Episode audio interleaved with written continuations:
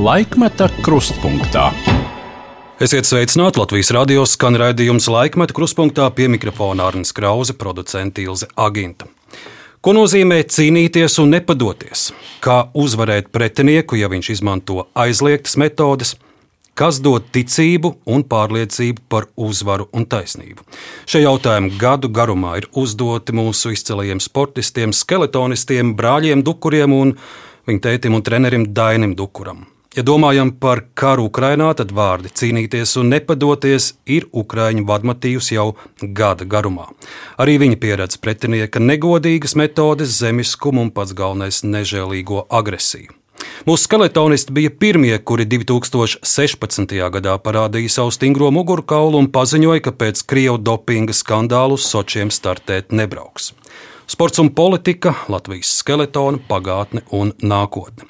Šodien studijā uz sarunu esam aicinājuši treneri ilgadējo Siguldas ledus trases direktoru, arī bobsleja kamanu izgatavotāju un jaunībā bobsleistu Daini Dukuru. Daini, sveicināti! Labdien! Mēs tiekamies tieši gadu pēc Krievijas iebrukuma Ukrajinā. Kāds pirms gada 24. februāra rīts bija jums, kas pirmais tagad nāk atmiņā? Bišķiņ, uh, tāds samulsums. Bija nojausma, kad, kad kaut kas var būt līdzīgs kā 14. gadā. Doņetskā un Krimā, bet ka tik tas viss skarbi sāksies un notiks. Kaut kā galvā gribējās to iztēloties, ka tas ir varbūt paies garām un nesāksies karš. Bet tā kā mēs savulaik strādājam kopā ar Ukraiņu sportistu un dažas dienas pirms 24. februāra Olimpiādas laikā Vlads Kraskevičs pēc finiša izvilka no kombinācijas A4 formāta lapu, manuprāt, Ukraiņas karoga krāsās, kur bija uzrakstīts Ukraiņai karam nē. Un viņa acīm redzot, zināja vairāk, viņa nojauta. Es sapratu, ka pēc šī, šīs darbības bija viņam pārmetumi no Startautiskās Olimpiskās komitejas bet eh, beigās viss viņam beidzās laimīgi. Bet eh, es tajā pašā dienā aizbraucu uz trases, palūdzu Ukraiņas karogu un pacēlu mastā Ukraiņas karogu. Un Ukraiņas karogs plivo mastā pie mājas, pie manas mājas turaidā, turpat jau gadu. Pirmais karogs bija tāds mazliet pabalējis. Es aizbraucu, nopirku Rīgā jaunu karogu nomainīju, un joprojām šis karoks plīvo pie manas mājas. Jūsu prognozes, cik ilgi šis karoks vēl būs mastā pie jūsu mājas, un kad tas būs neviena solidaritātes, bet jau uzvaras karoks? Mm. Jā, nu, tā situācija ir, ir, ir ļoti smaga un sarežģīta. Un tas, ko jūs minējāt par šo nežēlīgu agresiju un, un lietām, kas, kas notika Bučā, kas notika Mariupolē, uh, Protams, gribētos, ka viss beidzās ātrāk, kad kaut vai šodien, un, un, un Krievija teiksim, nāk pie saprāta, iziet no okupētajām teritorijām.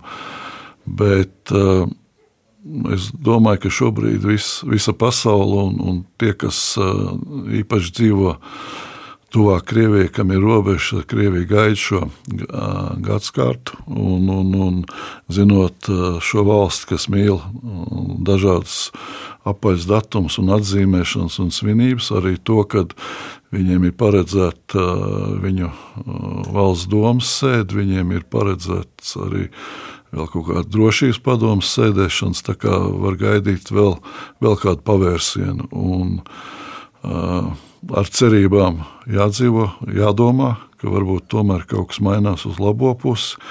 Jo ātrāk šis beigtos, jo man liekas, liela, lielākā pasaules daļa būtu ieguvēja. Pirms kara jums gan kā trenerim, gan kā Sigūdas trāsas direktoram bija daudz kontaktu gan ar krieviem, gan ar ukraiņiem. Kādi šie kontakti ir tagad? Uh, cik daudz jūs sazināties eh, ar eh, bijušajiem eh, sportistiem vai, vai kolēģiem, treneriem? Uh, jā, man bija izveidojušās labas attiecības, jo strādājot uh, trasē, uh, bija jāstrādā gan ar Krievijas izlases sportistiem, gan ar reģionu sportistiem. Un, uh, man arī pirms uh, kara sākuma bija labas attiecības ar uh, vienu treneru, kas savā laikā trenēja Zubkovu, Pāvelu Kaliedovu. Ļoti labas attiecības. Es teiktu, teikšu, tādas, nu, mēs bijām draugi. Man bija ļoti labas attiecības ar, ar Viktoru Kneibu, Krievu, kamaniņu braucēju un treneru. Un patiesībā arī visi vis tie treneri, ar, ar kuriem mēs strādājam, jo tas bija tāds kopējs darbs. Viņi atbrauca uz Siguldu, viņi trenējās Siguldā.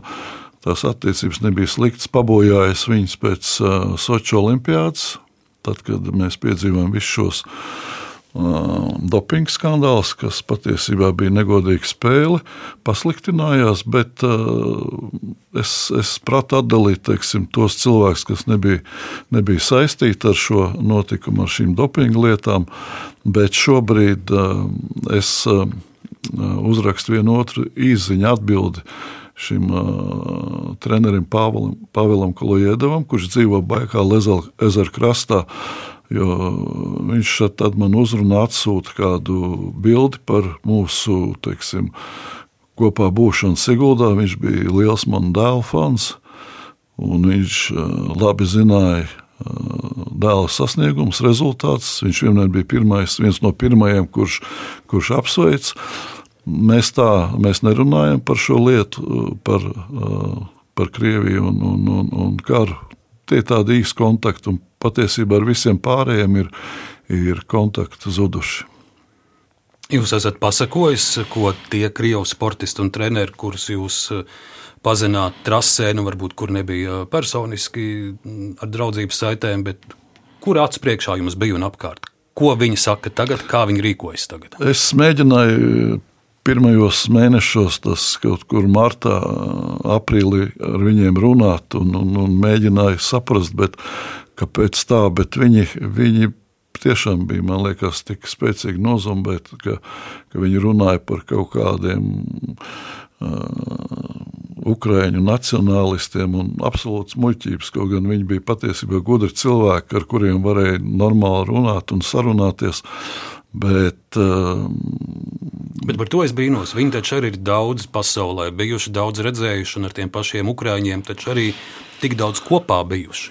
Jā, viņi, viņi arī, tad, kad atbraucu uz Siguldu, es redzēju, ka viņiem vismaz līdz tam 14. gada notikumiem viņi, viņi komunicēja, viņi arī trasē un viņi sarunājās. Notika tāds neliels lūzums 14. gadā, kad iegāja, iegāja Donbasā un, un Krīmas pussalā, bet pēc tam es redzēju, ka viņi arī kaut kā gadījās, ka viņi brauc vienā teiksim, treniņu grupā vai, vai, vai pasaules kausa sacensībās. Viņi ielozē treniņos vienā grupā. Viņi tur sportisti savā starpā sarunājās un, un likās, ka kad, nu, gan viena, gan otra puse tik, tik asi to neizjūt. Bet uh, tagad, pēc um, uh, 22. gada februāra iebrukuma, tur ir jau, jau es redzu, ka uh, tāpat atrodoties trasē, es redzu, ka kad, uh, jau ir tāda liela plaisa starp šiem cilvēkiem, kas agrāk ir. Turpat ir treneri, kas noteikti uh, PSRS laikā ir braukuši vienā komandā, pārstāvējuši tajā laikā PSRS izlasi un, un, un bijuši ļoti tuvu un, un varbūt pat draugi, bet šobrīd tā plaisa ir, ir liela. Bet jūs esat mēģinājis domāt, nu, kas notiek šo cilvēku galvās. Jo, jā, varbūt ir daļa, kuri, kuri baidās, jo, ja viņi kaut ko pateiks, zaudēs finansējumu vai ko vēl. Bet, bet no jums es sadzirdu, ka viena liela daļa tiešām tic vai noticējuši tam, ko Krievijas propaganda stāsta katru dienu. Jā, es, eh, es mēģināju runāt tajos eh, pirmajos mēnešos, eh, bet sapratu, ka tā saruna viņiem ir sava patiesība, ko viņiem ir jā, tā propagandas mašīna, viņiem ir iemasējusi, un viņi netiek no tā ārā. Un man pat likās tādi gudri cilvēki, kā jūs minējat, kas ir braukuši pasauli, apbraukuši pasauli, kas bijuši daudzās, daudzās valstīs, bet viņi ir. ir Tas pat nav patriotisms, tas tāds vienkārši tas, tā propagandas mašīna. Viņus ir sabraukusi un, un viņi runā to, ko viņi redz, redz televizoru ekrānā, viņu smadzenes savus atslēdz. Un vēlāk jau es sapratu, viņi baidās. Tad, kad sāka um, uz ielas ņemt ciet cilvēks, kas izrunāja vārdu karš, ja, kas uh, viņu sapratnē drīkstēja tikai dēvēt par speciālo militāro operāciju, viņi baidās. Un, un es pat šobrīd arī šo uh, savu draugu uh, vispār necelējam šo tēmu, jo pirmkārt, tur nekas labs nesanāks, viņš tāpat nesapratīs. Es esmu pieņēmis to. Otrkārt, es negribu viņu nostādīt tādā situācijā. Noteikti viņu drošinieki zina, viņam, viņam starp citu, trīs meitas dzīvo Amerikas Savienotās valstīs. Viņam jau vislabāk vajadzēja zināt, ja, kā, kāda ir dzīve pasaulē. Ja, un, uh, necenšos šo jautājumu cilāt, viņu un pārējie kontakti man ir pazuduši. Krievu, Baltkrievu sportisti šobrīd nevar piedalīties uh, starptautiskajās sacensībās. Tagad gan ir mēģinājumi pa sētas durvīm viņus dabūt atpakaļ 2016. gadā, kad jūs stingri paziņojāt, ka ar uh, Krievijas sportistiem, par kuriem ir aizdomas par, par dopingu un negodīgu rīcību, jūs uz vienu ledus nekāpsiet. Nu, Tolaik bija tā, nebija daudz cilvēku, kas jūs atbalstīja. Bija, bet nebija daudz. Jūs faktiski bijāt nu, pirmie, kas to izdarīja to piku metāt un, un, un, un, un to lavīnu iekustinājāt. Vēl vairāk bija tāds biedrs, bijušais VDK darbinieks kā Juris Savickis, tolaik tenisa savienības vadītājs, kurš, kurš ņirgājās par jums, sakot, nu, ka nu, skeletons, jā, tur ir tāds sports, kura galva pa priekšu brauc un acīm redzot tādi izteikumi. Un nebija arī tā, ka olimpiskā priekšniecība Juris Savicka apsauktu īpaši par šo. Uh, Jūs jūtat, ka mēģina tagad Krievijas, Baltkrievijas dabūt atpakaļ? Uh, Latvijā ir, ir uh, ne tikai Latvija, es domāju, Latvija, Lietuva, Igaunija varētu būt tie, kas, kas uh, šo kustību pret uh, piedalīšanos starptautiskajās uh, sacensībās uh, visvairāk atbalsta, arī Polija. Uh, man patīk Latvijas Olimpiskās komitejas nostāja, tā bija momentāla un, un, un arī ir viedoklis par to, ka nepiedalīties, bet man sarūktina Startautiskās Olimpiskās komitejas prezidenta Baha kunga retorika, tas, ko viņš mēģina pateikt, kad tiek, tiek diskriminēti Krievijas un Baltkrievijas sportisti, un, un, un, un viņiem tiek pārnodarīts. Tā nav pārnodarīšana, ja, ja tu netiec pielaists pie, pie kādām no sacensībām. Pārnodarīšana ir tas, kas notika Bučā, tas, kas notika Mariupolē. Tā ir pārnodarīšana. Tās sagrautās mājas, nogalinātie cilvēki. Un, uh, ir, ir kaut kādi karo, karavīriem ir kaut kāda kodeksa, ir, ir kaut kāda um, kārtība, kā karo, bet šāvienu pakausī cilvēkiem, kam ir sasiets rokas aiz muguras, tas neliecina par, par godīgu karošanu. Un, un šis karš, karš 21. Gadā, gadsimta ir absolūta, absolūta traģēdija. Un uh, tie cilvēki, kas mēģina pateikt, ka um, sports nav politika un ka Krievijai, Baltkrievijai jāpiedalās, tie nav godīgi līdz galam.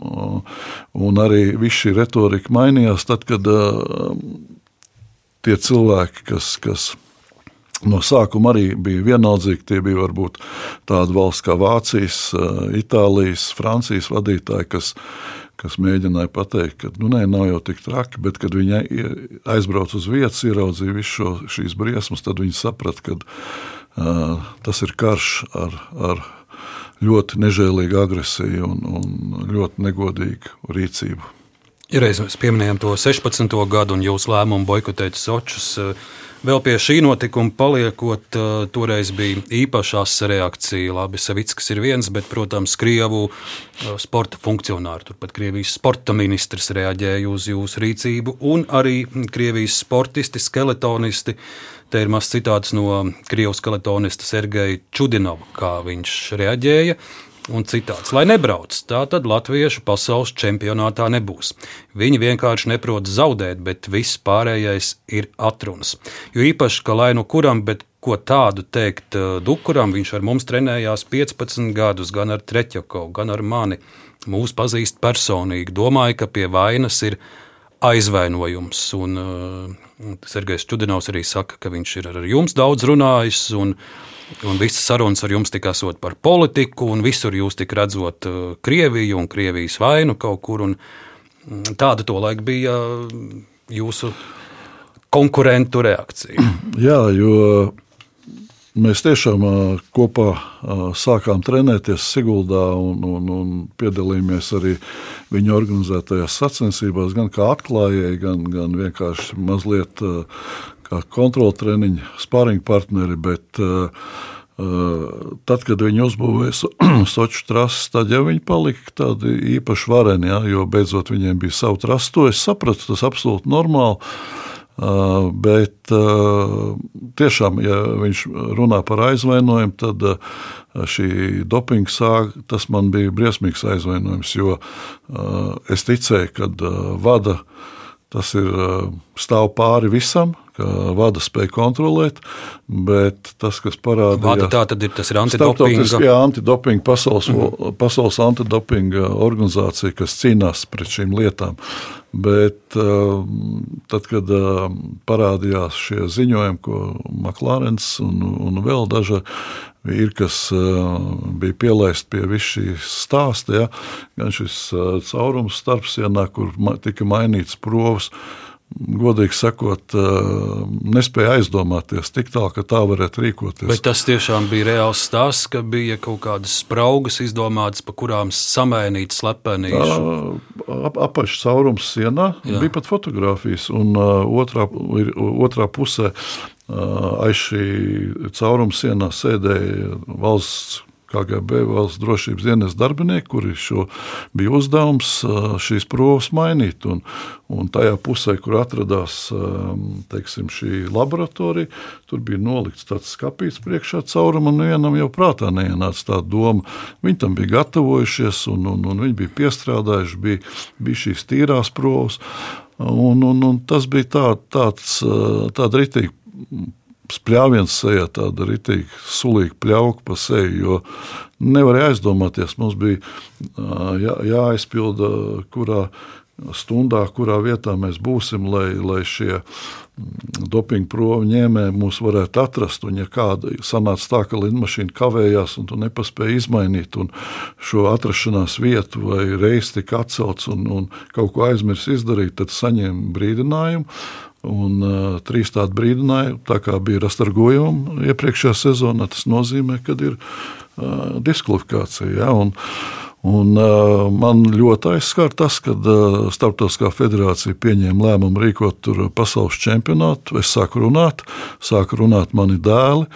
Pirmie amerikāņi atsaucās, bet Latvijā man nebija atbalsta. Pat nebija savā federācijā no prezidenta Kola, ne no pārējiem darboņiem. Ģenerāla sekretāra Ekmaņa Ekmans kaut ko stāstīja, ka latviešiem labs līdz Sočos, bobslei un vajag uz turieni braukt, bet kaut kā mēs. Ar ko jūs skaidrojat to piesardzību toreiz? Nē, atbild bija vienkārši. Mums labi slīd. Nu, kas tur nu, dopings? Nu, ir dopings. Jā, nu, varbūt kādu tas neskāra, varbūt kāds to uztvēra vienkāršāk. Un, un, un, bet, bet jūs to uztverāt kā nozagtu zelta medaļu? Nē, viņi bija stipri. Jā, viņi stipri savā mājās. Es, bet man tas princips, ja man ne, neienāk, tad, tad nu, nevar ticēt nu, arī parastās dzīves situācijās. Ja, ja, ja, aptur ceļu policists, kurš pats ir iedzēris ja, un mēģina, mēģina kaut ko izspiest. Ja. Tā ir tāda nu, ma maza situācija, bet Olimpiskie fórumi notiek ik pa ziemniekiem un vasarniekiem, katram ik pa četri gadi. Tur ir daudz enerģijas, daudz līdzekļu, veselība atstāta, gatavoties un gribētos, ka tāds fórums notiek. Tā ir godīga spēle. Ja? Bet, Tāpēc mēs sākām runāt, ka eh, es, ne, es negribu teikt, ka tur medaļu nozagt. Un varbūt pat eh, nevajadzētu mainīt šīs provas, jo tā jau ir liela priekšrocība. Eh, ja mēs tur dabūjām kaut kādus 20, 25 braucienus, ja treniņu braucienus pirms olimpiādas, tad mainiekiem ir trasa atvērta varbūt 300 braucieniem, varbūt 500 braucieniem, un viņi jau tā ir, viņiem ir fora, bet priekšrocības, bet man tā dopinga sāga, man tas ļoti nepatīk, tāpēc sāku runāt. Sports un politika Krievijā, cik jūs redzat, ka tur politika bieži vien ir pat svarīgāka par tiem sporta sasniegumiem? Es domāju, ka jā, un, un, un, un tas ir ritīgi sasaistīts, nešķirams lietas, ja, jo tad var teiksim, strādāt viss šī propagandas mašīna pilnā jaudā. Un, es domāju, ne tikai tā ir Krievija, Krievija arī. Un, man liekas, arī, arī Ķīna varētu būt kaut kas mazliet līdzīgs. Un, un tas ir divas lielvalstis, kas ar kaut kādām uh, Ko, komunisma Ķīnai noteikti ir vēl šobrīd ir komunistiskā partija un ar šīm iestrādēm un ar sapratni ar politbirojiem un visām šīm lietām strādā.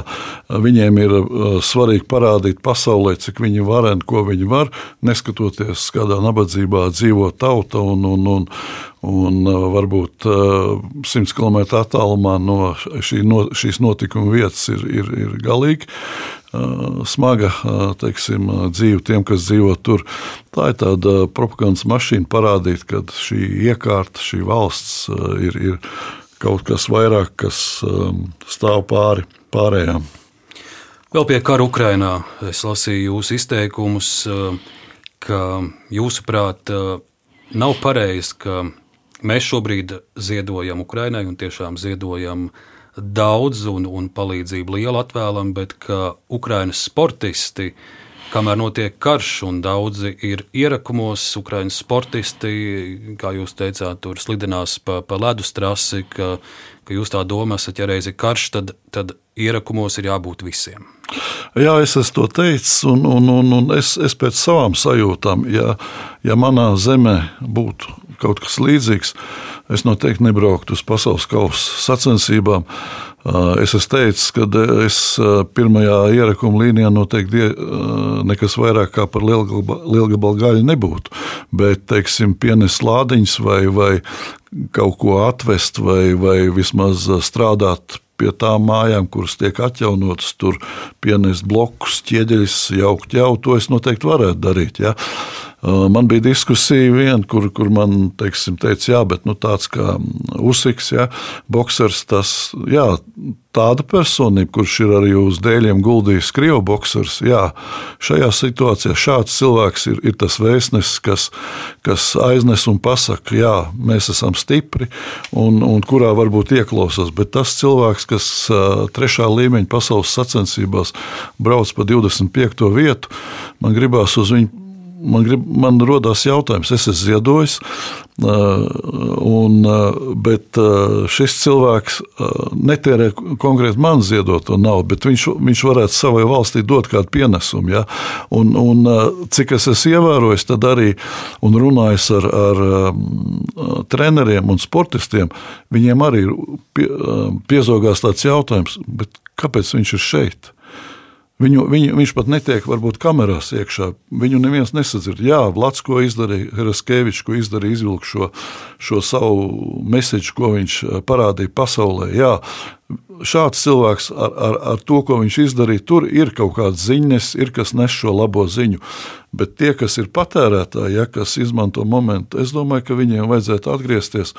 Un, un, un es viņu nesūtu, un man nav tiesība to darīt, doties pirmajās līnijās, bet strādāt savas valsts labā noteikti būtu viņa pienākums. Bet tas ir tikai subjektīvs mans viedoklis. Es, es eh, no savu skatu punktu mēģinu to pateikt karš. Karu ir pieredzējis jūsu tēvs, viņš bija leģionā, pēc tam arī izsūtījums. Cik daudz jums tēvs dalījās savā atmiņā par karu, par pieredzēto, par izsūtījumu, ko viņš stāstīja? Jā, man tad, kad es biju puika, man bija grūti saprast. Es skatījos televizoru, es redzēju šīs Padomju Savienības filmas, un, un, un kur vienmēr stiprāk bija Krievu karavīri. Un, un, un, man bija ļoti grūti teiksim, tādā nu, bērnībā saprast, ko saka tēvs un, un, un ko viņš ir pieredzējis. Bet tad vienreiz viņš man aizveda uz, uz Krieviju, kur viņš bija karojis. Tāda vieta, opočka.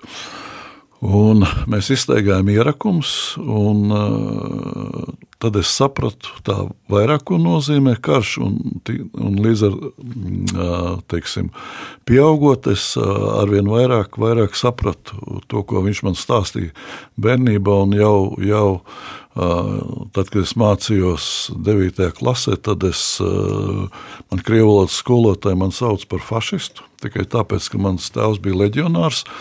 Uh, Un, jā, es to visu, visu lieliski zināju, un arī vecā mamma bija, kas piedzīvojusi un, un bija dzīva, man, man arī stāstīja. Viņai bija salīdzinājums par to, kā 40. gadā ienāca uh, sarkanie un kā 41. gadā ienāca brūnie.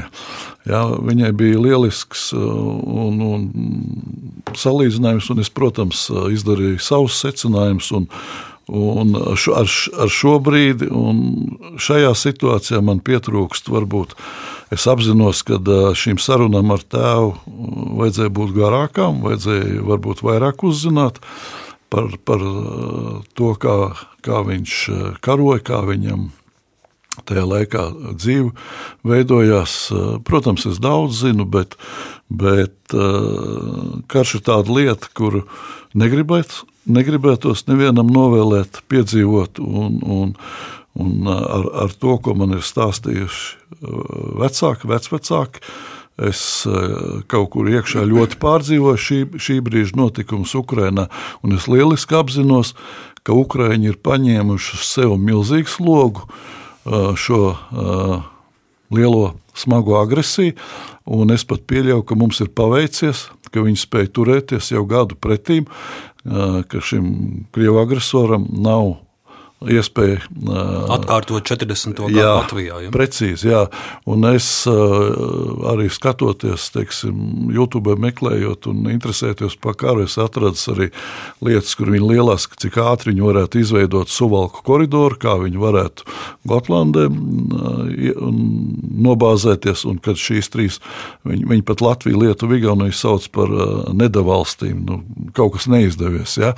Tāpēc uh, visa cieņa Ukrāņiem un, un, un paldies viņiem un novēl viņiem izturēt un uzvarēt, jo viņi pasargā mūs visus. Krievijas sportistus par dopingu sauca pie atbildības, vai pienāks tā diena, kad Hāgā pie atbildības sauks arī Putinu? Domāju, ka jā. Ja viņam, ja viņi nenovāks savējie, kas, kas varbūt ir sapratuši, cik, cik uh, tālu ir aiziets un atpakaļ ceļa nav, bet um, runā ir tāds teiciens, ka tas, kas iedzīts stūrī, tas paliek, paliek vēl niknāks un, un draudošāks. Bet es ceru, ka būs, jo tie, kas 30. Um, gadu beigās uh, savos brūnajos, frančos Vācijā sāk staigāt, viņi var nedomāja par Nīnbergu. Viņi braši bija Minhenē un, un, un, un uh, arī Brašs iesoļoja uh, citās zemēs, un šie jau arī runāja. Sākumā Krievija runāja par īsu karu, trīs dienas, nu kas tur piecas dienas, mēs, bet Ukraiņi noturējās. Un, Un, uh, gribētos, ka viņi uzvar, un gribētos, ka šim karam ātrāk pienāk beigas. Tik tālu par karu un par cīņām, bet mūsu sarunas turpinājumā par cīņām kurus jūs esat cīnījis, eh, izcīnījis gan kā treneris, gan kā Siguldas ledus trases direktors daudzu gadu garumā, arī jaunībā kā bobslēgs eh, Daina iesākumā mēs eh, palūkosimies dažus kinoarchīvus, kur ir fiksēts pats pats bobslēja sākums Latvijā 80. gadi, 80. gadu pirmā puse. Un pirmais fragments būs no kinožurnāla Padome Latvija 1980. gads bobsleja pirmsākuma Latvijā. Bobslejs līdz šim tikai ārzemnieku ziņā. Padomju Savienības starptautiskās sacensībās nepiedalījās.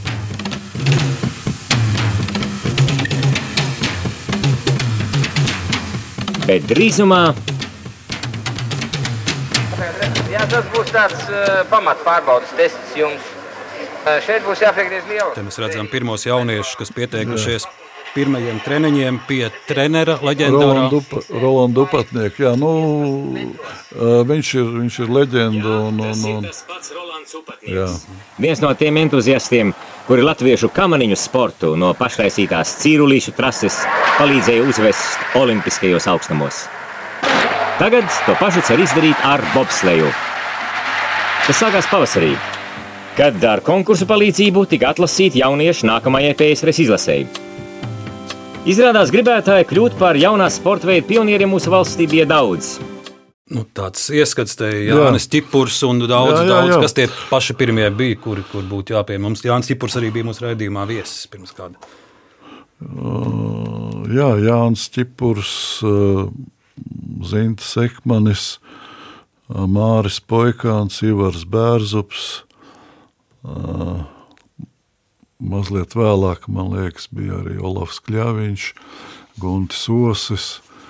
Jā, nu, tur lielākā daļa bija, bija Latvijas pārstāvi pirmajā, pirmajās Olimpiskajās spēlēs, kas notika Sarajevā. Un, man liekas, tas stāsts to Bobslēgs sāk attīstīt, jo 80. gadā, man liekas, Leikplisitā kopvērtējumā nu, ir tāds, tāda mērvienība, ka medaļu skaits mm, Olimpiskajās spēlēs, kas izcīna vairāk zelta, sudraba un kas kopā medaļu. Un man liekas, tad, tajā gadā, es varu kļūdīties, bet uh, Leikplisitā zaudēja mm, Vācijas demokrātiskai uh, republikai. Un vāciešiem ļoti attīstīts bija bobslēgs. Tie arī pirmajos kadros varēja redzēt DD, DDR bobs. Un uh, pieņēma lēmumu, ka ir jāattīst šis sporta veids. Nu, Rolands Upatnieks, kurš gan cits, kurš uh, nu, tas labā nozīmē traks cilvēks, uh, teiksim, ļoti spilgta personība ar, ar nenormālu jaudu. Uh, es arī sev uzskatu par viņu skolnieku, jo es strādāju pie viņa, arī būvēju bobus kopā ar viņu. Uh, bet uh, es pēc tam aizgāju prom, atdalījos, es sāku būvēt Valmjerā. Un pie tā mēs vēl nokļūsim, bet oh. par to bobslēgas karjeru. Tieši ar bobslēgu ir arī pats pirmais uh, ieraksts presē, kur ir minēts jūsu vārds. Un pirmo reizi Dainas Dukurs ir pieminēts uh, 1985. gada 27. janvāra laikrakstā Sports un stāsti par to, ka tradicionālajā valsts bobsleja sacensību centrā Melauzā, tas ir kaut kur Baškīrijā, Baškīrijā jā. beigušās Vissavienības trudmeistars sacīkstes. Mūsu republiku, tātad Latviju toreiz LPSR pārstāvēja Daugavas bobsleja eksperimentālā grupa, Un te ir arī sacensību rezultāti. Četru braucienu summa vīriešiem. Pridāns Siņavskis, pirmā vieta, Cimdiņš Dukurs, 260,763 sekundes, otrā vieta. Jā, stāsts sākās ar to, ka es strādāju savā laikā Siguldā, lauktehnikā. Es biju izveidojis tādu eksperimentālo instrumentu cehu, man uzticēja izveidot. Un, uh, pie manis ieradās Jānis Vanuška un lūdza izgatavot. Šobrīd neatceros, bet kaut kādas detaļas uh, Bobiem. Nu, ja, man tas uh, piesaistīja mani interesi. Es izgatavoju šīs detaļas, tad uh, viņš uzrunāja, varbūt es varētu arī, arī būt uh, šīs Daugaus komandas mehāniķis. Tā es sāku braukt ar šo komandu. Un, uh, arī uh, man bija interese arī uh, pašam nobraukt, un tā es šajās trūdas sacensībās uh, mēs Baškīrijā. Ar, Baškīrijā, jā, jo tad nebija Siguldas trases, Siguldas trases nodeva 86. gadā, tas ir gadu pirms, un uh, Jā, un, uh, tur, tur mēs dzīvojam, tur mēs trenējamies. Un, un, nu, tā trasa bija cēluši cietumnieki, un viņi bija briesmīgi. Un, un arī tā ledus sagatavošana. Bija jums arī trasa. kāds kritiens? Jā, jā bija kritiens. Un, un, un, uh, Nu, tur bija tur arī stāsts tāds, ka um, bija viena virāža, kur, kur viņi nevar izbraukt, ja netrāpa par um, teiksim, um, tāda, mēs saucam to par tādu jumtiņš, kur, kur jāatrāp pa jumtiņu, un tad bobi šis jumtiņš iesit trasē, un ik pa brīdim tika apturēti braucieni, un pa skaļo informāciju tika izsaukta brigāde, kas izņēma sašķēdītos dēļus un iemontēja jauns. Un, Nu, tā ir tāda, tā ir atsevišķa, atsevišķa stāsts, gara vēsture. Un, un, un tā varbūt arī vieta... tā pati trasa, jo Jānis Čipurs mums stāstīja, ka viņš ar Baškīrijās piedzīvojis ļoti smagu kritienu, zaudējis samaņu pat un uz gadu bija vispār izslēgts. Jā, Jānis nokļuva slimnīcā, es arī biju tad trasē, kad viņam šis kritiens, nu, tur nebija ne, neviens veids, kaut kāds aprēķins, modelējis tur datorprogrammās, un, un, un tur vienkārši bija cilvēki atnākuši un uznaglojuši, kā viņi paši redz, kaut ko bija uzbetonējuši, un, un, un tā bija skarba vieta, bet pateicoties Rolandu Upatnieku, un jāpiezīmē arī Daumans Natnais, tie divi vīri, kas panāca to, ka trasta tiek būvēta Siguldā. Tā bobsleja, ka, bobslejas karjera jums nebija gara, bet, bet jūs bijāt tas, kurš šos pirmos bobus un pirmos, ar kuriem jau bija arī panākumi, ar savām rokām arī veidojāt? Nē, es pie, pievienojos bišķiņu vēlāk. Es pievienojos tajā laikā, kad Rolands Upatnieks būvēja pirmos bobus. Es nepiedalījos, bet es sāku kaut kur 84. vai 83. 83. vai 8, 8, jā, apmēram 84. gadā es sāku to darīt. Un... Nu, tad te būs viens fragments eh, no 81. gada, kuri fiksēti to pašu pirmo bobu ražošanu VFā. Arī palūkosimies, varbūt jūs arī tur kādu no tā laika saviem cīņu biedriem, kolēģiem ieraudzīs un atminēsieties. Jā, tie ir cirulīši. Tā, tā, tā tika būvēta sniegs stiepts un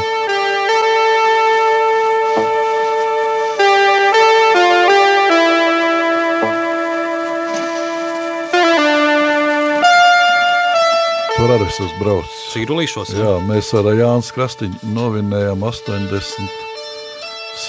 gada Latvijas čempionātu. Šeit dzima sapnis par rodeļu kamanām.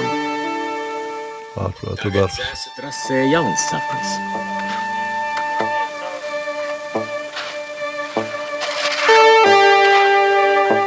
Nu, te ir tā metināšana, vefā. Tas ir boks.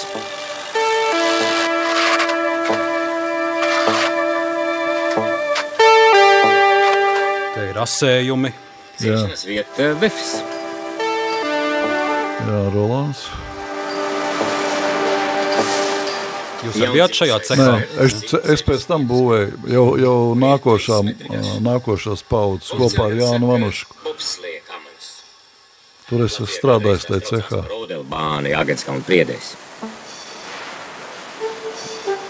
Bet te mēs redzam tos pir pirmsākumus. Ja? Jā, šitie pirmsākumi. Jā. Tu tā, tā kopā ar Rolandu strādāji un Bobus būvēja uh, Jānis Kolovs. Arī tāds uh, viņa cīņu biedrs, ar kuru viņi uzsāk šo būvniecību. Nu, pirms brīža jūs pieminējāt Daumans Natnai vārdu, ka viņam arī ir būtiska loma tajās bobslēja panākumu kaldināšanā. Un, um, Te būs fragments no laikraksta cīņa 1988. gada marts, kur tiek intervētas toreizējais sporta komitejas priekšsēdētājs. Viņš laikam jā. Jā, bija Domāns Natnēs, un jā. viņš saka arī šādu lietu. Daudzas valstis lūdz mūs pārdot, mūsu kamanas. Panāko princis un citi grib braukt uz Rīgu, mācīties, startu un trenēties nevis uz Šveici, nevis uz VDR vai Austriju līdzinējiem dominējošajiem bobsleja centriem. Par mūsu kamanām sola valūtu krietnas summas un domāju, ka mums pa šo ceļu jāiet, jo tā iegūtā valūta kalpos turpmākajai bobsleja attīstībai mēs varētu pārdot tās kamanas, kas mums ir pat labi, un paši sev taisīt citas vēl labākas. Tad es ātri izlaidīšu. Un, jā, interesanti. Par mūsu kamanām interesējas arī Mihails Gorbačovs. Nav jau nemaz tik bieži gadījumi, kad mūsu tehnika ir pārākā pasaulē. Mums jāsaklabā šie unikālie cilvēki, šie unikālie centri, fanātisms, kas valda abos kolektīvos. Tātad viens bija kolektīvs celtnieks, jau otrs bija vefstājs, saprot, ja, kur tur sākās. Uh. Nu, to jūs vēlāk paskaidrosiet, bet šeit arī ir tāda svarīga vieta. Un tad uh, žurnālists prasa nosauciet šo fanātisko cilvēku vārdus, un tad tiek minēts Jānis Sokolovs, vecākais mehāniķis VF. Arvīts Miezis, Induls Rukuts, Uldis Smigla, celtnieka radošais gars ir Rolands Upatnieks un viņam līdzi Dainis Dukurs. O, jā. O, jā. Uh, jā uh, uh, tos pirmos bobus, kas, kas teiksim, radīja, radīja šo apvērsumu bobu būvniecībā, radīja Rolands Upatnieks. Tie bija bobi, kuriem Zins Ekmans izcīnīja trešo vietu. Man liekas, Jānis Čipurs bija ceturtais Sarājevā. Un, jā, tiešām bija, tas ir Rolanda nopelns. Viņš ar, ar savām trakajām idejām uzbūvēja šos bobus, ar ko guva liels panākums. Un pēc tam notika šī sadalīšanās. Tur jā, Jānis Kolovs un, un, un neatceros vārdu miezim jā, viņš bija tas, kurš strādāja pie kompozītu materiāliem. Un Arvīts Miezis jā, ar kompozītu materiāliem, un Rolands tajā brīdī aizgāja uz šo celtnieku un uh, būvēja tur bobus. Viņš uzaicināja mani. Vēl bija Ivars Ādmins un Egils Peleckis. Tad mēs tur uzbūvējām uh, arī interesants bobs.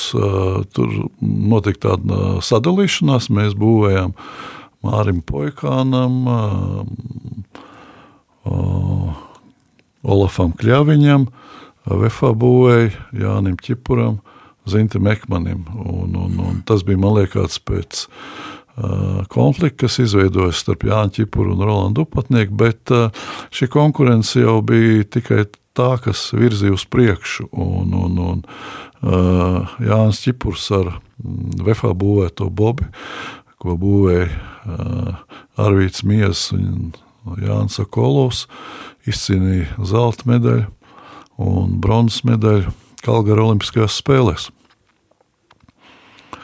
Un pēc darba šajā celtniekā kopā ar Rolandu Dupatnieku es Viņam teica, ka es gribu iet savu ceļu, un es aizgāju uz Valmieru kopā ar Guntu Maksi un šī brīža iekšlietu ministru Mārku Činsku. Mm -hmm. Mēs būvējam savus bobus. Jā, viņš jau ir valmierietis. Viņš ir valmierietis, jā. Bet es lasīju, tas notika fabri, rūpnīcā, uh, kur ražoja ugunsdzēsēju. Ugunsdzēšanas iekārtas. iekārtas. Mums bija tāds neliels boks, un uh, pēc darba mums atļāva izmantot arī iekārtas. Šī uh, rūpnīca nāca pretīm, un mēs tur būvējam, būvējam bobus.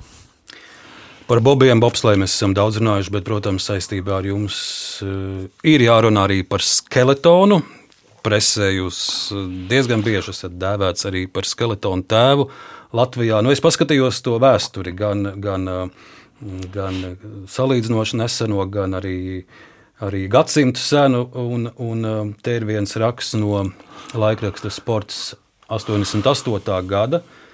Un ir, ir jau atmodas laiks un pārmaiņu laiks. Un, Un te tiek intervētas Kamaneņu sporta federācijas eh, vecākais treneris Edvīns Guršpons.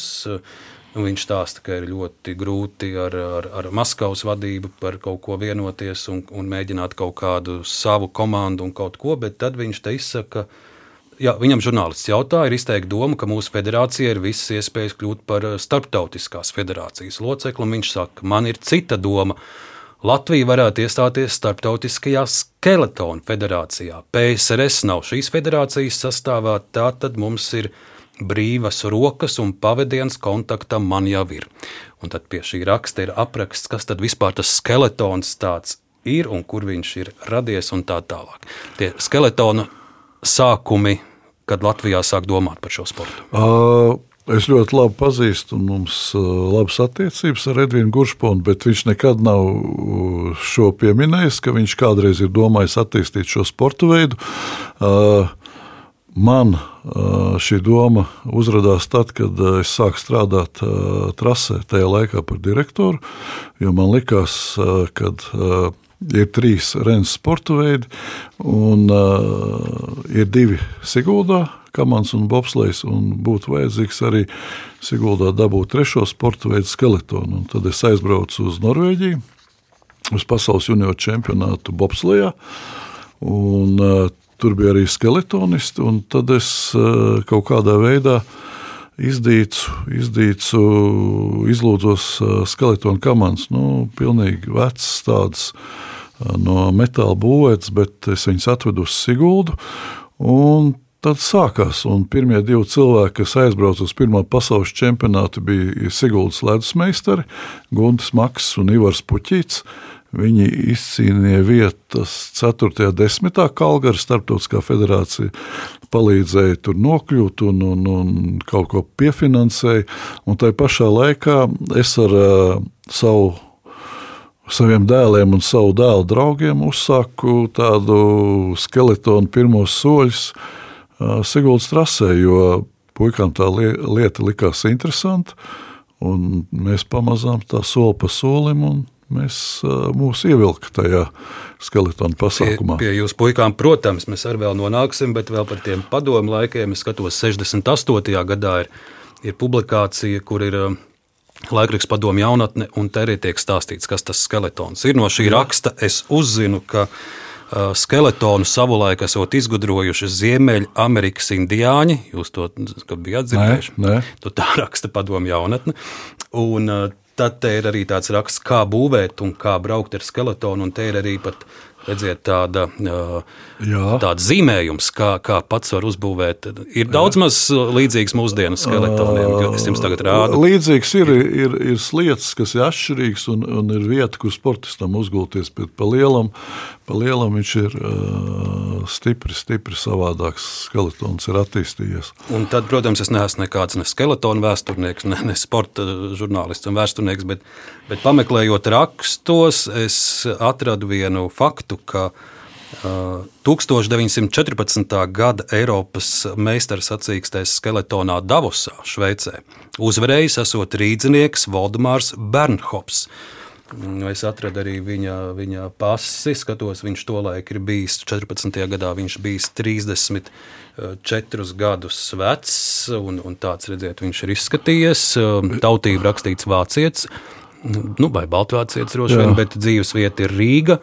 Un, un šis vīrs 1914. Eh, gadā, nu, protams, tāda Latvija jau nebija, bet no Rīgas bija Eiropas meistars sacīkstējs uzvarētājs, rīznieks. Jā, nu, jūs esat izdarījis lielu darbu. Jūs esat uh, atklājis lietas, ko man liekas, ne tikai es, vēl kāds uh, Latvijā īpaši nebija pameklējis. Bet, nu, tas viss ir jāpārbauda, bet, bet uh, vārds, uzvārds sakrīt un, un, un, un gadi sakrīt. Un, un, uh, varbūt, viņš gan 20. Uh, gada sākumā jau ir aizgājis mūžībā, bet, bet uh, Kurā pēc, gadā? 21. gadā es skatos, ah. ka viņš ir miris drīz pēc neatkarības nodibināšanas, bet, bet tas ir viņš, rīznieks Valdemārs Bernhofs. Interesanti, arī man interesanti. Bet, nu, Daina, pie, pie jūsu dēliem, pie brāļiem eh, Tomasu un Martina, par viņu ceļu uz eh, skeletonu virsotnēm, par viņu panākumiem. Eh, es skatījos statistiku. Tas nebija tā, ka jau pirmajos gados pēc viņu treniņu sākuma tie, tie rezultāti sāka nākt. Tas darbs un ceļš bija gana garš un, un, un Par, par Martinu es skatījos, ja viņš sāka trenēties 98. gadā, tad tās pirmās jau lielās uzvaras, lielā atzinība bija vien, vien pēc 12 gadiem, 2010. Nē, gadā. Man liekas, pirmo pasaules kausa medaļu bronzu viņš izcīnīja 2007. un Tomas Eiropas čempionātā. Uh, bronzu arī izcīnīja 2007. Bet lielā, lielā, lielā, lielās jā, uzvaras desmitajā. Jā, desmitajā. Jā, bet absolūti vienkārši izskaidrojums. Pirmkārt, mēs bijām galīgi zaļi iesācēji, galīgi nejēgs, kas vienkārši atveda desmit gadu vecs braucamos Siguldu, un, un tā pirmā doma jau nebija cīnīties par, par medaļām. Uh, varbūt mēs nopietnāk palikām tajā brīdī, kad skeletonu iekļāva Olimpisko sporta veidu saimē. 2002. gadā City. tad mēs tā uzlikām tādu mērķi, ka varbūt varam tur nokļūt, kvalificēties. Tad kvalifikācija bija savādāka caur challenge kausiem, un mēs tur izskatījāmies labi. Principā varēja pēc tā rezultāta abi no, nokvalificēties no mazajām valstīm, bet valstī deva vienu vietu, un Tomas tajā laikā bija labāks, un Tomas aizbrauca uz Salt Lake City. Un tie, jā, un 2002. gads un pirmā olimpiskā medaļa 2010. Ja. Un, tas ceļš garš un, un šī komandas izveidošana ne tikai sportistu, bet to treneru cilvēku, kas, kas kopā strādāja. Jo tad, kad skeletons kļuva olimpiskais veids, tad momentā tur bija tajās valstīs, kur viņš bija attīstīts, vīri palika tādi nopietni, ar, ar nopietnību piegāja, lai cīnītos par olimpiskajām medaļām. Tā kā tāds ir skaidrojums. Lepnu par, par jūsu dēla panākumiem, protams, bija visa Latvija, bet jo īpaši Sigulda un Siguldas iedzīvotāji. Un, Tagad fragments no panorāmas sižeta 2010. gada 20. februārī. Sižeta autora Laura Vonda, un te ir fiksēts, ka Siguldieši svin panākumus Olimpijādē Vankūverā. Tas Vankūverā, bija Vankūverā, jā, un, un, un pie visām Siguldas mājām ir sarkanbalts sarkanie karogi. Lūk, fragments no 2010. gada februāra. Sigūda atkal līksmo, pie namiem plīv sarkanbalti sarkanie karogi, bet vaininieku vecāki par izrādīto godu var lasīt ziņās. Tētis Dainis kopā ar dēliem Kanādā, mamma kopā ar krietnu atbalstītāju pulku Austrijā.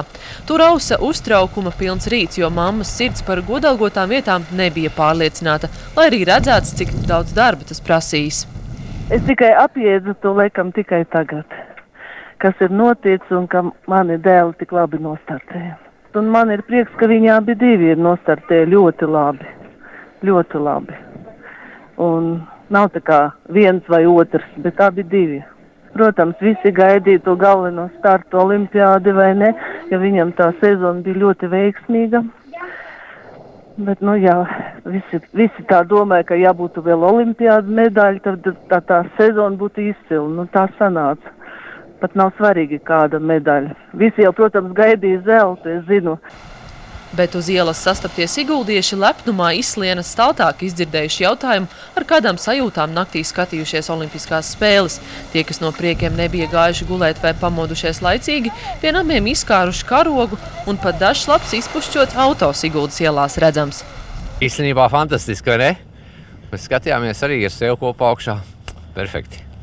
Nu, forši, forši. Nu, bišķi, vīlies. Nu, cerēju, ka zelts arī būs. nu, te, te vēl virknes iguldieši tiek intervētāti. Es skatījos, ka jūs ar interesi šo sižetu noskatījāties, un es arī saprotu, jūs jau viņu toreiz neredzējāt. Jūs vēl pats bijāt Kanādā. Nē, un man ir pirmā dzirdēšana, kad ir izkārta kā roga. Un, un, Jo mums jau tā, varbūt ne šeit, bet ar gadiem tā jau kļuva par rutīnu, tādu sacensību, nobraukt sacensības, sakravā mantas, pārbrauc uz nākošo vietu vai pārlidot. Tā pat tāda svinēšana nenotika. Patīkami, jā.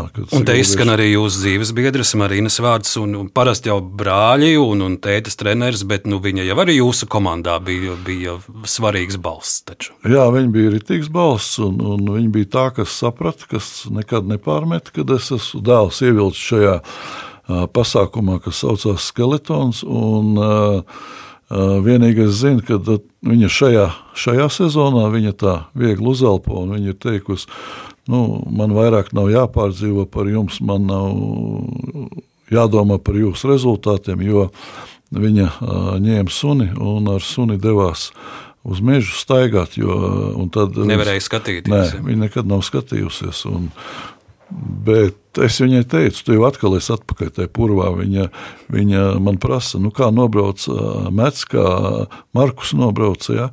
Jau, jau viņi fano par Britiem. Aha. Un, un viņi ir atpakaļ jau.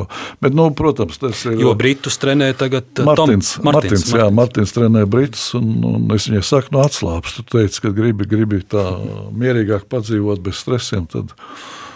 Bet vēl paliksim pie pie tā laika, kad uh, stresa bija lieli un, un atbildīgas sacensības bija daudz. Šeit vēl viens fragments no panorāmas 2014. gada 31. janvāris. Kolēģis Aijas Kīnces stāsta par to, kā dukuri pošas uz Sočiem.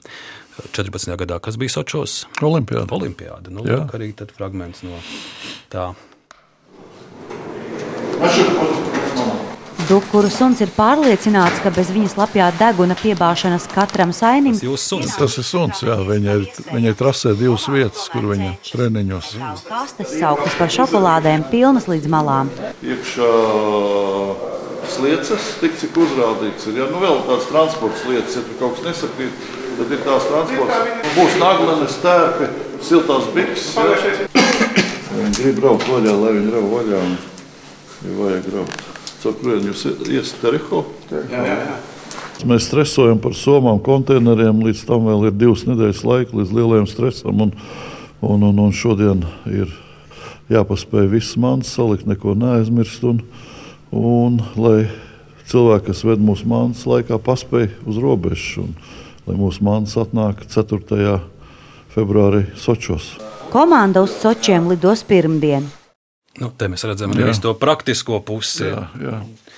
Aizbraukt ar skeletonu, tas, tas nav nemaz tik vienkārši. Nē, nav. Un, un, un, uh, mums uh, tur bija labi eh, partneri, kas veda Raimons Dabrovskis, bijušais biatlonists un, un, un slēpotājs. Un es atceros, kā mēs uh, viņu, jā, viņu atvedu laikā, un tur arī bija problēmas iekšā dabūt ciematā, bet tur uh, Olimpiskās komitejas ģenerālsekretārs Žoržs Tikmers piepalīdzēja, tad mēs ievedām ciematā un, un laika atnāca, un, un uh, arī viss mans bija pilnā, pilnā sastāvā. Mēs Un, ja reiz mēs skatījāmies, kā jūs devāties uz Sočiem, tad arī palūkosim, kā Latvija jūs sagaidīja no Sočiem, atgriežoties un atgriežoties ar sudraba medaļu. Reportāža no Rīgas lidostas 2014. gada 17. februāris.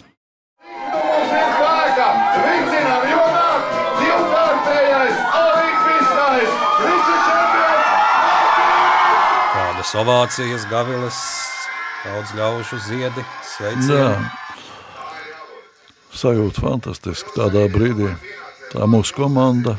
Bez tā droši vien šie panākumi jau nebūtu. Droši, nāciet klāt, ģimene, nāciet klāt, lūdzu. Man patīk, to, ka tu esi gatavs ar šo komandu strādāt nākamos četrus gadus. Tāpēc es prasīšu Tomasam, tu arī esi gatavs.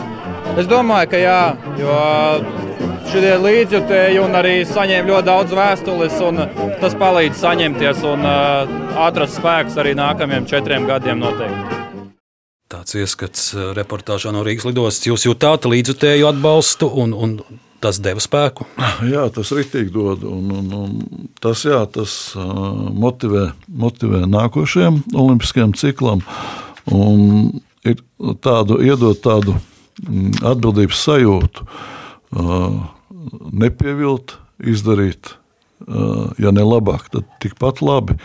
Un tajos nākamajos četros gados tiek ielikts milzīgs, milzīgs darbs. Un, un, un gan traumas, gan, gan ir lietas, kas, gan darbs pie tehnikas. Tas ir nežēlīgs darbs. Jūsu darbs ir novērtēts arī ar valsts augstāko apbalvojumu 2012. gadā Rīgas pilī. Toreizējais prezidents Andris Bērziņš jums pasniedz triju zvaigžņu ordeni, arī mazs fragments no šī notikuma. Un, un, un arhīvi liecina, ka jūs esat saņēmis ordeni vienā, eh, vienā dienā ar eh, krievu miljardieru Piotru Avēnu, kurš, protams, tagad ir sankciju sarakstā, Jā. bet 14. gadā jūs Rī- Rīgas pilī bijāt kopā. Labākas, tas ir labas, bet varētu būt vēl labāk un tuvāk. Bet ne par Avēnu šodienas stāsts. Ka šīs jautājums ir aktuāls. Vairākums ordeņu saņēmēju savās uzrunās pateicās kolēģiem un draugiem, uzsverot, ka tas ir kolektīvais sasniegums. Es gribu pateikt paldies savai komandai, ar ko es kopā strādāju. Tas nav viens cilvēks darbs. Un noteikti vislielākais paldies uh, sportistiem. Jo tieši viņu rezultāts, viņu mērķtiecība, viņu uh, fantastiskais darbs, viņu augstie rezultāti man noved pie šī apbalvojuma. Tā jūs teicāt, Rīgas pilī saņemot apbalvojumu. Jā, nu, patiesi vārdi, jo apbalvots tikai es, bet tie pārējie uh, cilvēki, ar ko es kopā strādāju, nesaņemt šādu apbalvo, apbalvojumu. Tāpēc es gribēju kaut kā laikam, iezīmēt to, ka es neesmu viens, tā ir komanda. Vēl par uh, skeletonu, par Sigūdas trasi. Ir bijuši, protams, dažādi notikumi, dažādas ziņas, un, un, un pāris es gribētu arī faktus pieminēt. 2015. gadā ir uh, stāsts par to, ka Latvijas mēdī pētnieciskie žurnālisti izgaismo ātrā kredītu stāstus un cik daudz šīs ātrā kredītu firmas ir, ir arī novedušas postā ļaudis, un daudziem bijis jādodas uz ārzemēm strādāt, lai atpelnītu šos aizņemtos kredītus. Toreiz ir stāsts arī par ātriem kredītiem un sportu. Ir diskusija, cik ētiski ir par šo ātrā kredītu naudu finansēt arī sportu un uh, sportistiem uz savu apģērbu reklamēt šīs firmas, un uh, vairākas sporta uh, jomas raksta atbalsta vēstuli ministrijai, lai aizstāvētu ātrā kredīta nozari. Tā skaitā arī uh, skeletons, un uh, jūs uh, uzskatāt, ka šādam atbalstam no ātriem kredītiem ir jāturpinās. Jūs arī skaidrojat, ka tie ir gadā 25,000 un tā ir liela nauda.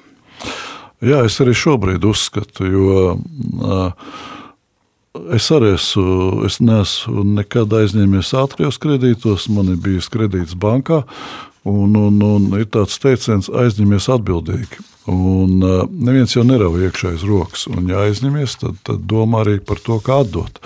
Un, uh, gan arī ir cilvēki, kas ir varbūt aizbraukuši uz ārzemēm, uh, meklēt labāku dzīvi, aizņemoties ātros kredītus, gan arī nespēt atdot aizdevumus bankā. Un, tajā laikā viens no sponsoriem, man liekas, bija viena Latvijas Banka Olimpiskajā komiteja. Arī tas radīja tādu papildus, varbūt, spriedzi starp šiem bankas aizdevējiem, un, un, un kas sadarbojās ar Olimpisko komiteju. Un, un, un, un šiem ātriem kredītiem, bet es varu pateikt vienu, ka mm, šie cilvēki, ar kuriem mēs strādājam, Forfinance, viņi vienmēr bija tie, kas painteresējās par mūsu rezultātu. Viņi painteresēs ātrāk nekā mūsu pašu Latvijas Bobslēga un Skeletona federācija. Viņiem bija interesanti. Viņi aicināja mūs pie sevis. Mēs stāstījām par saviem panākumiem un par savu darbu. Un es domāju, ka tur nekā morāla nav. Tā ir Es, es citreiz arī pieminēju to, ka, ejot veikalā, var redzēt ļoti daudz alkohola pudeles un, un un gan cigaretes, kas ir kaitīgas veselībai, pat ar tām briesmīgām bildēm, kas ir uz cigarešu paciņām. Mm, tāpēc arī, nu, ja ar likumu nav aizliegts šis pasākums, tad es domāju, ka tas ir normāla sponsorēšana, normāla sa sadarbība. Gluži tāpat kā ledus trasē, kur ir strauji kāpumi, kritumi, pagriezieni un arī traģiski pagriezieni. Um, tāds ir arī viens stāsts saistībā ar Siguldas trasi, un, un, un ļoti liktenīgi ir jūsu arī viena intervija 2001. gada 23. oktobrī. Mm, jūs stāstiet par skeletonu un, un, un sakiet, ka jūsu skatījumā skeletons ir mazāk bīstams par bobslēju, jo skeletonā sportists var izvairīties, audzējot sevi, izdarot pareizas kustības, pastūrējot. Tas nav tik traumatisks kā bobslēgs, un septiņas dienas pēc šīs intervijas liela nelaime, liela traģēdija notiek uh, Siguldas trasē, un uh, dzīvību zaudē skeletonis Girsts Ostenieks. Es saprotu, viņš arī bija jūsu audzēknis. Es pieļauju, ka ir, ir pagājuši gadi, ir pagājuši daudz gadi, bet um, šī diena, šis notikums, viņš ar vienu jums ir prātā. Jā, es skaidri atceros tur, to vietu, un, un, un tad, kad treniņā es esmu lejā pie 15. 16. virāža. Man tas viss iziet cauri, caur manām smadzenēm. Man šī bilde atkārtojās acu priekšā. Tā bija kaut kāda mm, absolūta tāda sakritība, kaut kāda nepareiza rīcība no Krievijas komandas, kas tajā laikā. Nu, klausītājiem īsto stāstu atgādināsim. Tātad tur trenējās Krievijas sieviešu bobslēgs. bobslēgs jā. jā, viņiem bija pēc. Viena no sportistēm vai nu izlaida no rokām bobu, jā, vai kas jā, viņi imitēja, viņi startu vietu zemāk, viņi imitēja startu ieskrējienu, kas parasti netiek darīts, un, un parasti bobs atrodas uz uz uh, dēļiem, tur ir tāda koka grīda. Un, uh, Normāli ir, kad vismaz divas slīdes aizmugurējās slīdes atrodas, neviens nevar izkustināt. Un, tajā brīdī, imitējot šo startu ieskrējienu, sportists jau bija devies trasē un Bobis aizbraucis pa priekšu. Lai cik dīvaini, bez pilota neapgāzās. Ja viņš būtu apgāzies, varbūt būtu bijusi cerība, ka Bobs apstājās kaut kur virāžā un sportists aizbrauc pa augstāku trajektoriju. Un vēl tajā dienā bija miglaina. Miglains tāds liels gaisa mitrums un lēna trasa, un šis bobs neuzbrauc uh, bremzēšanas ceļā un uh, finišā. Uh, finišējot, eh, ja viņam būtu lielāks ātrums, viņš būtu pacēlis galvu un viņš redzētu. Un zinot viņu, viņš būtu izvairījies. Nu, varbūt tur eh, kāda mm, noskrāpēta, kāda brūce būtu bijusi kaut kur uz kājas rokas. Es saprotu, ka nav bija acumirklīgi. Acumirklīgi, jā. Es, es, es biju tajā brīdī iznācis no augstumā. Es, es sapratu, ka pēc tā, ko informators teica, es, eh, es sapratu, ka kaut kas nav labs, bet uh, Es nesapratu, kas šobrīd notiek trasē, jo es biju iegājis apskatīties, kāda ir teiksim, augstumājas darbs, kā noris. Un, jā, nu, tajā atrodoties trasē, mm, lejas daļā, katru reizi šī doma iziet, un šī aina ir acu priekšā. Jā, bija. Viņš arī ar jūsu dēliem trenējās. Jā, mēs kopā, tajā treniņā bija gan Tomas, gan Martins, tur neatceros vēl bija. Un uh, Martinam bija jābrauc pirmajam, bet Martins bija aizmirsis kaut ko un uh, aizskrēja pakaļ. Mm. Un, uh, kamēr viņš gāja pakaļ šai lietai, tikmēr uh, izsauc ģirtu uz startu. Un, uh, nu, Liktenis. Liktenis, jā, un, un, un, protams, tur bija viss darbs tika apturēts. Un, un, Pēc tam bija arī lasu liela izmeklēšana, izmeklēšana protams, jā. un darba inspekcija un viss kaut kas. Un bija presē arī tādas ziņas, ka iepriekšējā vakarā uh, Krievijas uh, sportistiem bijusi kāda tāda garāka tur. Uh, pasēdēšana vai kaut ko? Nē, man tāda informācija tāds, nebija, bet nu, pēc šī notikuma, protams, izmainījām visus darba noteikumus, kā strādāt, nekad nepieļaut, kad, kad kāds atrodas uz ledus, bet tāpat es esmu ievērojis, ka ik pa brīdim kāds ir kādam jāatgādina, jo trasē ir vairākas startu vietas, un tad, kad notiek treniņi no vairākām startu vietām, tad ir ļoti, ļoti uzmanīgi jāvada darbs, un, un mēs izstrādājam tādu protokolu, pēc kuras strādā. Un, un, nu, jā, tas, tas ir sliktākais notikums manā skeletona darba karjerā. Par Siguldas trasi vēl pirms pāris gadiem izskanēja ideja, ka uh, Sigulda varētu kļūt arī par olimpisko pilsētu, ja uh, tiktu būt izšķiršanās, ka Eh, Stokholma, kur rīko Olimpiskās spēles, arī, arī Siguldas trasi varētu izmantot. Nu, diezgan ātri tā visa tā doma arī pazuda. Nē, mēs piedalījāmies tajā saucamajā bidā, kur tika Tur izteica vairākas valsts un pilsētas, tā skaitā arī Kalgari. Bija. Tur vēl kaut kas bija, tie atbīra ātrāk. Kalgari notika balsošana, gan, gan pašvaldība balsoja, gan, gan iedzīvotāji. Ar, ar nelielu pārsvaru abos balsojumos pateica nē. Palika divas valsts, un tajā brīdī, kad mūs uzrunāja Stokholma, mēs to uzņēmām ļoti nopietni gan Olimpiskā komiteja, gan uh, Siguldas pašvaldība. Mums arī mēs prezentējam visu šo pasākumu ministra kabinetā, un, un, un mēs guvām atbalstu.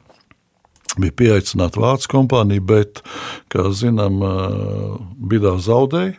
Stokholma uzvarēja Itāļu, bet Itāļu trasi netaisās būvēt. Mm -hmm. Tas bija tāds blefs. Šobrīd viņi stāsta pasakas, ka tur esot kaut kāda baktērija atrasta un to nedrīkstot kustināt, bet tajā laikā mēs bijām vienkārši, manuprāt, tehniskie kandidāti nolikti, lai nebūtu viens, lai būtu, jo iznākums, manuprāt, bija Starptautiskajai olimpiskajai komitejai jau skaidrs. Bet tas ir reāli, ka nākotnē uh, Siguldā jā, varētu būt kāda. Jā, šobrīd atkal, atkal, bet tagad ir stāsts mazliet savādāks. Nav vairs tik daudz gribētāju, nav vairs tā konkurence tā tik liela, lai kāds pieteiktos, jo šīs izmaksas ar katru reizi, ar katru nākošām olimpiskajām spēlēm aug, jo parādās jauni sporta veidi un, un, un Viss šīs sporta būvs uzbūvēt ir dārgi. Šobrīd Olimpiskā komiteja uzrunājas atkal Zviedrus. Pašlaik ir, ir diskusija par to, vai, vai Zviedri piekritīs, jeb kandidēt vai nepiekritīs. Un viņiem arī ir noteikti izvēle, vai tā varētu būt Lillehammer, kas viņiem ir tuvāk, vai tā varētu būt Sigulda. Grūti pateikt, bet tur ir jāsaņem noteikti kaut kādas nopietnas garantijas no Startautiskās Olimpiskās komitejas, ka tā nav tāda niekošanās. Un mūsu sarunas izskaņā jūs kopā ar Martinu un Tomasu esat ielikuši ļoti pamatīgus pamatus Latvijas skeletonam. Par skeletonu nākotni runājot, kādu jūs to redzat un ko jūs atbildat tiem kritiķiem, kuri saka, ka nu, lūk, pārāk liela uzmanība bija abiem puikām, un tagad mums ir tāds caurums, iztrūkums Latvijas skeletonā? Uh, ir, vieni, ir vieni, kas šo lietu komentē ar, ar saprātu un ar, ar uh, nojausmu, kas ir sports, kas ir par ko atbildīgs. Ir tie otri, es viņus saucu par divām pirdējiem. Mm -hmm. Es nezinu, to jūs uzpīkstiniet. Nē, nē, to var droši. Jā, jo tā ir tāda dabīga pasākums, ja, kas visu grib uzkarināt dukuram. Un, un, un, patiesībā Nacionālās Latvijas Bobslēnas Skeletona federācijas statūtos ir rakstīts, ka par sporta veidu attīstību ir atbildīga federācija, nevis dukurs. Un, jā, mēs esam izdarījuši diezgan daudz. Es paskatījos, braucot pie jums, paskatījos, mums ir 122 abiem kopā Tomasam Martinam pasaules kausa medaļas. 19 pasaules kausa kopvērtējumu globus un 21 Eiropas čempionāta medaļu, nu, un 8 pasaules čempionāta. 94 reizes mēs esam likuši skanēt Latvijas himnai. Un, nu, un arī tāds nieks, kā pat Guinness rekordu grāmatā ir ieraksts par, par Martina jā, uzvarām. Jā. Un, ko es gribu paturpināt, jā, šobrīd ir pieci jaunie skeletonisti Korejā. Viņi uh, spērs otro kvalifikācijas soli. Pirmajā mēs Īglesā nostartējām diezgan veiksmīgi. Uh, ir, bija divas uzvaras un uh, viena otrā vieta. Un, uh, šobrīd mēs gatavojam komandu, kas startēs uh, uh, jaunatnes olimpiādē Korejā. Un uh, mazs komentārs tiem pašiem uh, divām sēdētājiem. Uh, Mēs šie 14-gadīgie, 15-gadīgie bērni nebija gatavi, lai izietu sacensties ar pasaules labākajiem. Viņiem ir vēl garš ceļš ejams, bet es domāju, ka kādu mēs spēsim nokvalificēt nākošajām Olimpiskajām spēlēm, kas notiks Milānā. Nezinu, kur notiks. Noteikti Kortunā nebūs skeletons. Tas notiks kādā citā pasaules trasē, bet uz to mēs ejam. Tas ir mūsu mērķis. Nu, gaidīsim, kad uz skeletona piedestāla atkal kāps mūsu nākamie Tomasi un Martini, un atkal skanēs Latvijas himna, un mēs redzēsim Latvijas karogu, un arī par Ukrainu. Un Ukrainas karogu, lai tas ar vienu lepni plīv pie jūsu mājas turaidā, un lai pēc iespējas ātrāk pienāk tas brīdis, kad uh, jūs pie šī karoga varēsiet uh, svinēt Ukrāņu uzvaru. Jā, tas ir mans uh, šī brīža sapnis, un, un, un es novēlu Ukrāņiem izturēt, būt stipriem un pasaulē būt tai pasaules daļai, kas grib būt kopā ar, ar, ar gaišo, ar, ar pozitīvo, būt kopā ar Ukrāņiem, palīdzēt ar ieročiem, lai kā Ukrāņi slava Ukrainai un, un lai viņi uzvar. Skeletona treneris Dainis Dukurs, liels paldies jums par sarunu. Paldies! Radījuma producente Ilza Aginta par skaņu rūpējās Reinas Budze, pie mikrofona bija Arnis Krause. Turpiniet klausīties Latvijas radio!